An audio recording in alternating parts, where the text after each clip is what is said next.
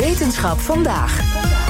Met vandaag Martijn Rosdorf hier in de studio. Hey Martijn. Hi Lisbeth, hoi Kees. Ja, je hebt een taboe onderwerp uh, meegenomen. We gaan het hebben over cannibalisme. Is er nieuws? Ja, want cannibalisme, dat is inderdaad een van de grootste taboes. Eh, toch komt het voor. En ik kom vandaag hier vertellen dat er nieuw bewijs is dat mensen elkaar echt al heel erg lang opeten. Anderhalf miljoen jaar oud bewijs, maar liefst. In het wetenschappelijk tijdschrift Scientific Reports. Alle andere grote bladen pakken het nu ook op. Maar sinds eergisteren staat daar een publicatie over een menselijk onderbeen, een scheenbeen. En op dat been zijn sporen gevonden van cannibalisme. Nou, ik ben onmiddellijk te raden gegaan bij Rob van den Berg van uh, mijn favoriete museum Naturalis in Leiden. Daar is hij paleontoloog.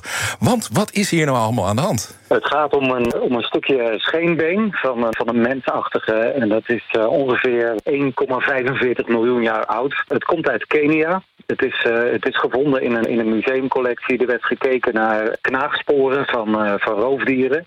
En in plaats daarvan vonden ze snijsporen. En dat zijn de sporen die gemaakt zijn met een, met een vuurstenen werktuig. Nou, dat spreekt enorm tot de verbeelding. Maar ik heb ook veel vragen. Want om te beginnen, hoe weet je nou zeker dat die sporen op cannibalisme duiden? Nou, Rob van den Berg en zijn collega's die hebben wel vaker botten met snijsporen gezien. Dus ze hebben vergelijkingsmateriaal. En het bijzondere van dit is dat het overduidelijk snijsporen zijn die met gereedschappen zijn aangebracht. Dus dan denk je al gelijk aan, uh, mensachtigen. En het zit ook precies op de goede plek waar je zou willen snijden als je zeg maar, vanaf nou, je onderbeen uh, een flink stuk kuitspier zou willen afsnijden. En het is dus de eerste vondst van deze ouderdom waar de aanwijzingen wel heel sterk zijn dat het gaat om het verwijderen van vlees om op te eten. Dus, dus niet een of ander begrafenisritueel. Er zijn dus in de loop van de tijd meer bewijzen gevonden voor cannibalisme. Maar dit anderhalf miljoen jaar oude bot is echt verreweg het oudste. Oké, eh, maar dat denk ik ook wel. Klinkt allemaal heel erg absurd, hè?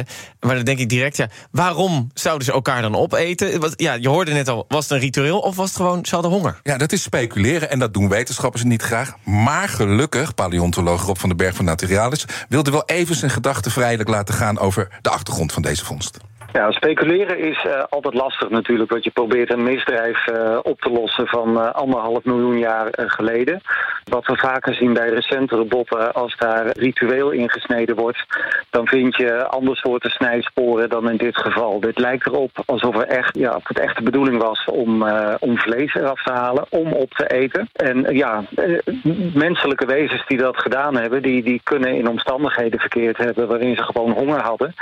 En als je dan ergens een dode soortgenoot uh, vindt, of, of hoe dan ook, en je hebt honger, dan, uh, ja, dan, dan zou je een stuk vlees kunnen afsnijden.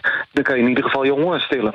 Dus het is zo simpel, gewoon honger als verklaring. Speculerend natuurlijk. Hè. Er is maar één bot gevonden van deze ouderdom met van die snijsporen. Dus naast honger zouden er ook andere verklaringen kunnen zijn. Bijvoorbeeld een belangrijk gebruik om elkaar zo nu en dan eens op te eten. Anderhalf miljoen jaar geleden, weten we niet. Hè. In de moderne, moderne geschiedenis zijn er wel voorbeelden voor van cannibalisme.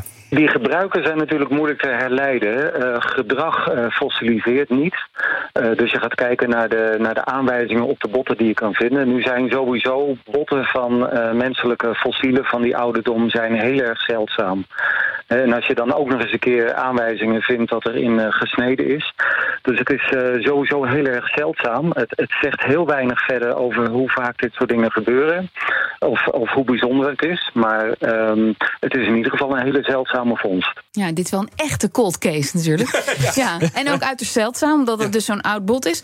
Maar cannibalisme op zichzelf is niet heel bijzonder. Nee, nee, nee dat doen wij en ook onze naaste verwanten in het dierenrijk eigenlijk al tijden. Dat zegt de paleontoloog Rob van den Berg. Je ziet overal in de geschiedenis en ook verspreid over de wereld... vind je dat er cannibalisme heeft uh, plaatsgevonden.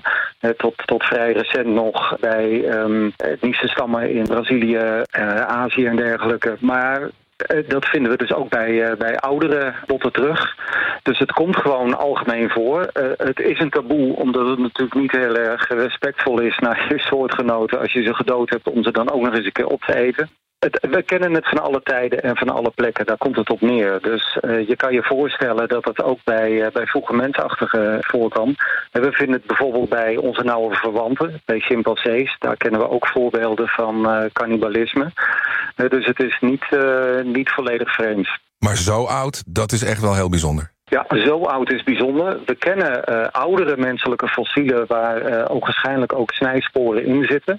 Maar of het echt snijsporen zijn of dat die sporen op een andere manier later zijn aangebracht, dat wordt uh, betwist. dus dit is in ieder geval het oudste voorbeeld van waar, waarvan vaststaat dat het om snijsporen gaat. Nou, nog een paar dingetjes. Rob van den Berg die sprak dus over een anderhalf miljoen jaar oude misdaad, cold case, to the max. Het slachtoffer is onbekend. We weten niet van welke mensensoort dit kuitbeen oh. is.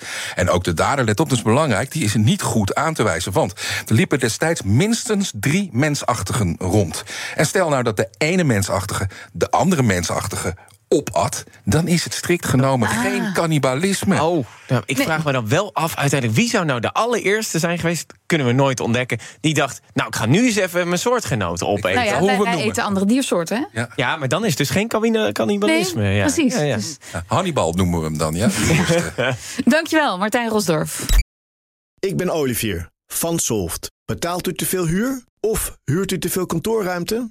Solft heeft de oplossing. Van werkplekadvies, huuronderhandeling tot de verbouwing. Wij ontzorgen u.